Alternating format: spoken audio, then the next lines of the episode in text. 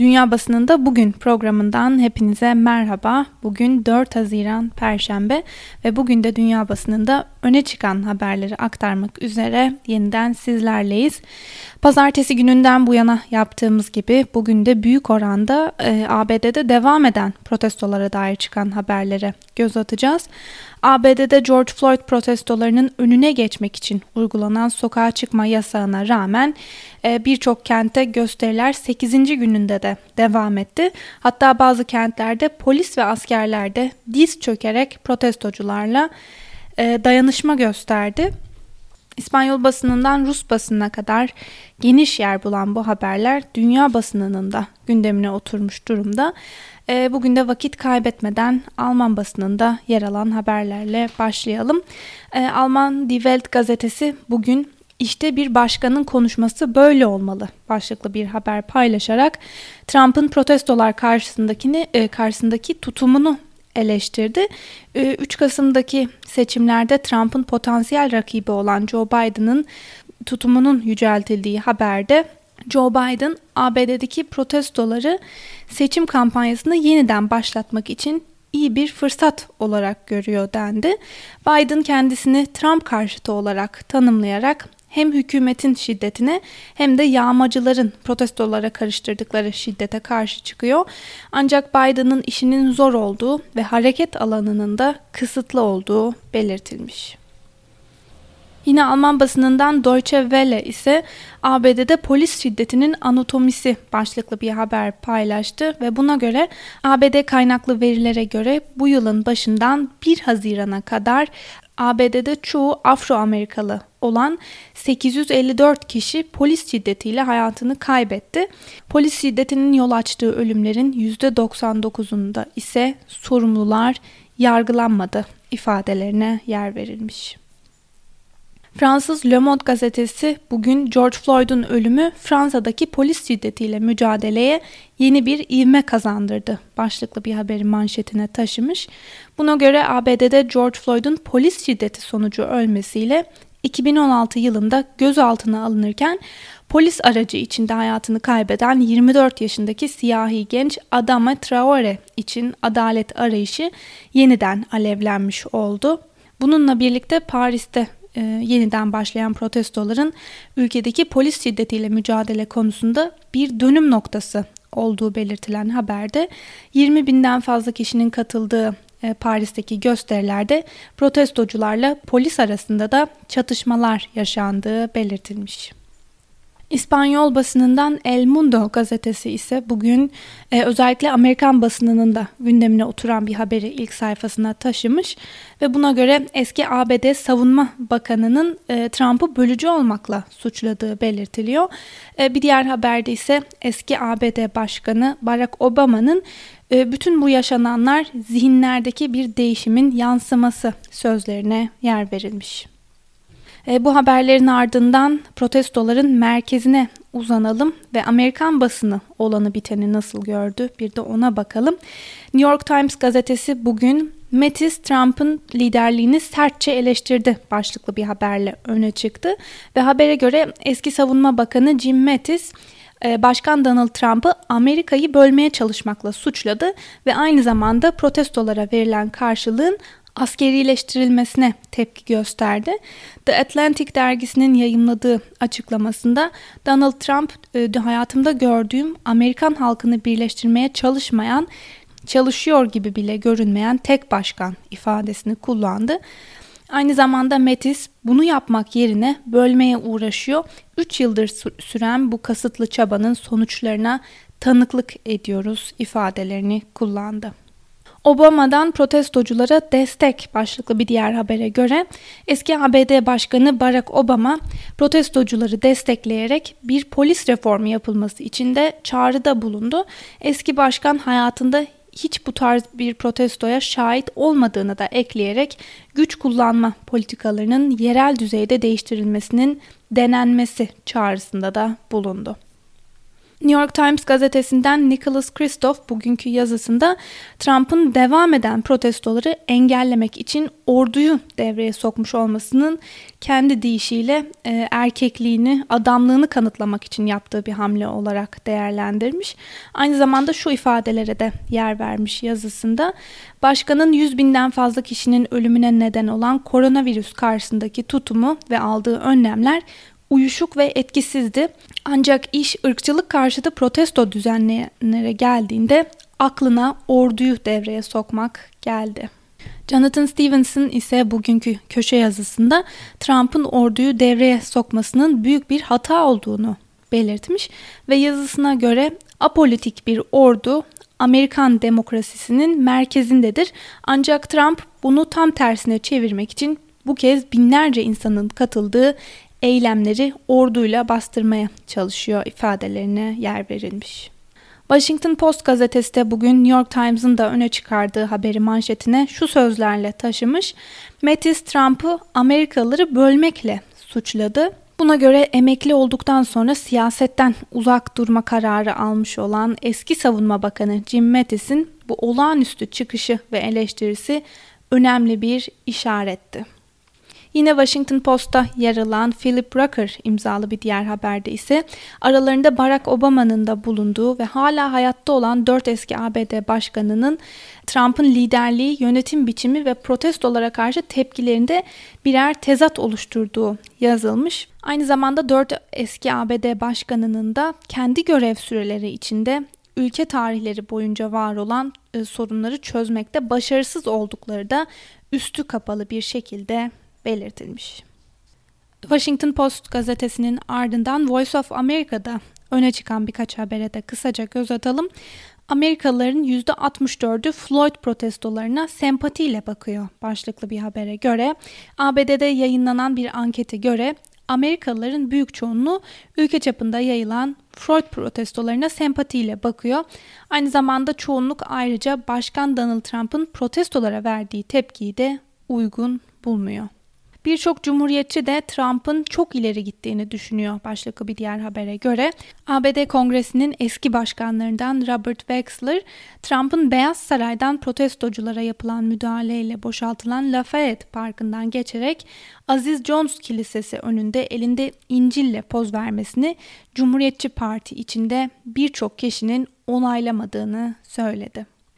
Trump orduyu devreye sokma planında geri adım mı attı başlıklı bir diğer habere göre ABD Başkanı Donald Trump'ın George Floyd protestolarını bastırmak amacıyla orduyu gönderme tehdidinde e, geri adım attığı belirtiliyor. Amerikan Associated Press haber ajansına göre Beyaz Saray yetkilileri ülke genelinde gösterilere karşı verilen yanıtın yerel yönetimlerin düzeni kendilerinin tesis edebileceklerini gösterdiğini ifade ediyor.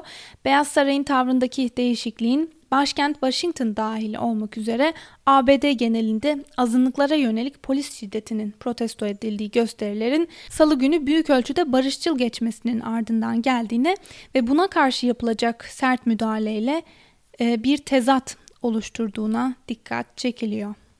Ve bir diğer habere göre ise ABD Savunma Bakanlığı gerekirse aktif görevde olan askerlerin devreye girmesi için bir plan hazırladı.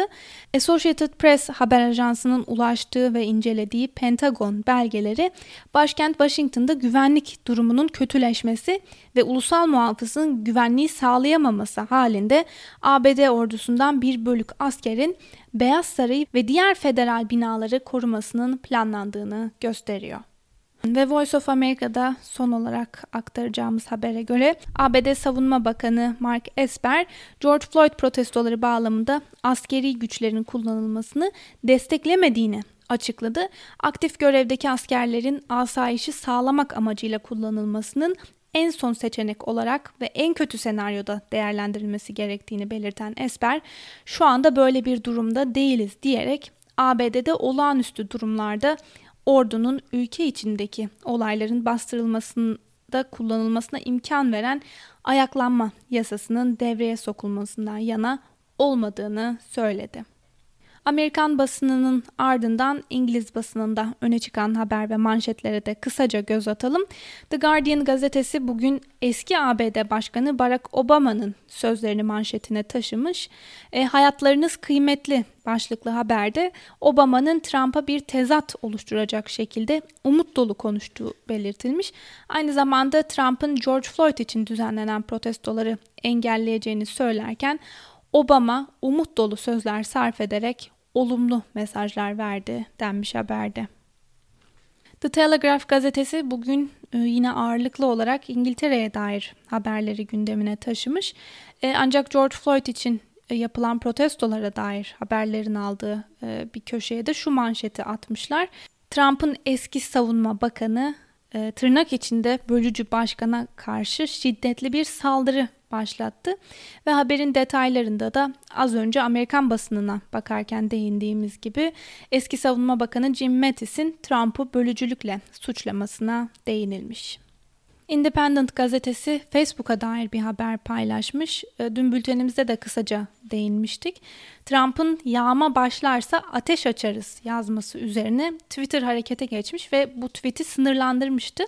Ancak buna karşılık olarak Facebook e, kendi topluluk kurallarını ihlal etmediği gerekçesiyle Trump'ın bu gönderisine müdahalede bulunmayacaklarını açıklamıştı.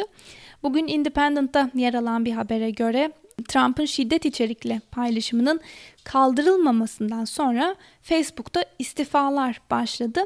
Hatta Facebook'un yazılım mühendisi Timothy Evany ise istifa ederken e, Facebook için şu ifadeleri kullandı.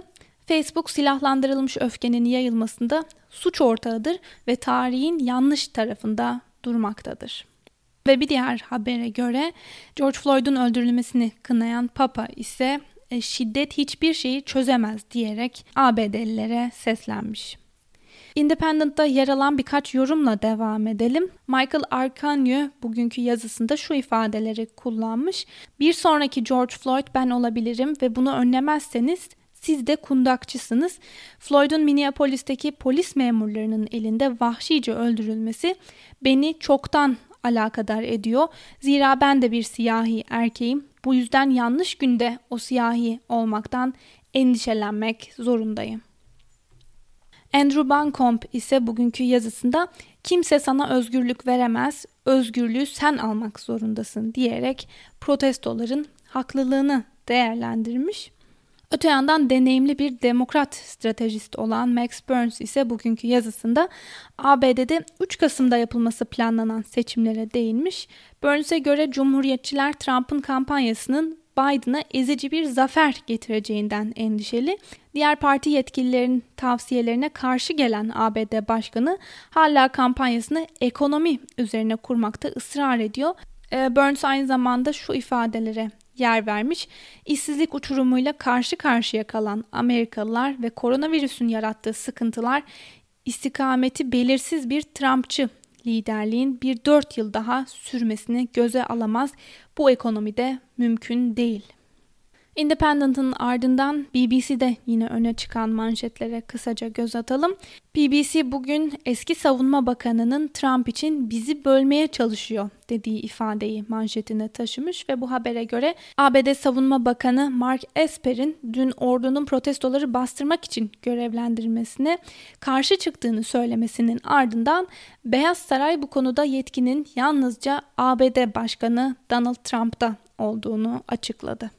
Ve bir diğer haberle devam edelim. Siyahlara iki misli fazla ceza kestiği ortaya çıkan Londra polisi ayrımcılıkla suçlanıyor başlıklı habere göre. Koronavirüs önlemlerinin uygulamaya konduğu dönemde İngiltere'nin başkentinde e, polisin siyah ve diğer etnik azınlıklardan kişilere beyazlara göre orantısız derecede fazla gözaltı ve daha fazla para cezası uyguladığı ortaya çıktı. E, bir diğer haberde ise Trump'ın dün attığı tweet'e yer verilmiş. Buna göre ABD Başkanı Donald Trump e, dün Twitter'da paylaştığı mesajda belki diğer Cumhuriyetçi Başkan rahmetli Büyük Abraham Lincoln hariç ABD'deki siyah nüfus için en fazla şeyi kendisinin yaptığını, e, başkanlık yarışındaki rakibi Joe Biden'ın 43 yılda yaptığından çok daha fazlasını kendisinin 3,5 yılda yaptığını yazdı.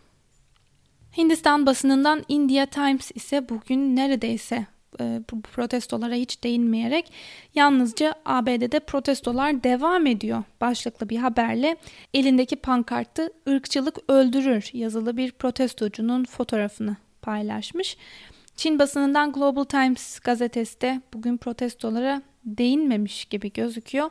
En azından ilk sayfasında buna dair bir haber paylaşmamış. Bültenimizin sonuna doğru yaklaşırken bir de Rus basını ABD'deki protestoları nasıl yorumluyor ona bakalım kısaca. Channel One televizyonuna göre protestoların arkasında belirli güçler ve mekanizmalar var. Aynı zamanda protestoların sona erdirilememesi ve huzursuzluğun sona ermemesi konusunda da demokratik alanda yaratılan ciddi bir fikir birliğinin olması etkili oldu. Channel One televizyonu bir de dikkat çeken şu ifadeyi kullanmış. Trump bu protestoların arkasında yatan sebep denmiş haberde. Rusya kanalındaki 60 Minutes programında ise Rusya'yı bundan da sorumlu tutarak hem seçimlerde hem de protestolarda Rusya'nın müdahale ettiğini iddia edecekler ifadeleri kullanılmış. Öte yandan Rusya kanalındaki Evening with Vladimir Slovyov programında ise ABD'deki protestolar sona erdiğinde Trump'ın pozisyonunun güçleneceği belirtilirken kutuplaşmanın giderek artacağı ve olanın yine halka olacağı belirtilmiş. E, ve son olarak NTV'deki Meeting Place programında ABD'de devam eden protestoların e, devrim öncesi bir ayaklanma olduğu belirtilmiş ve kaybedecek bir şeyleri olmayan protestocuların sistemi değiştirmek istedikleri belirtilmiş. Sevgili Özgürüz Radyo dinleyicileri e, bu haberle birlikte bugünkü programımızın da sonuna geldik. Yarın aynı saatte görüşmek dileğiyle. Hoşçakalın.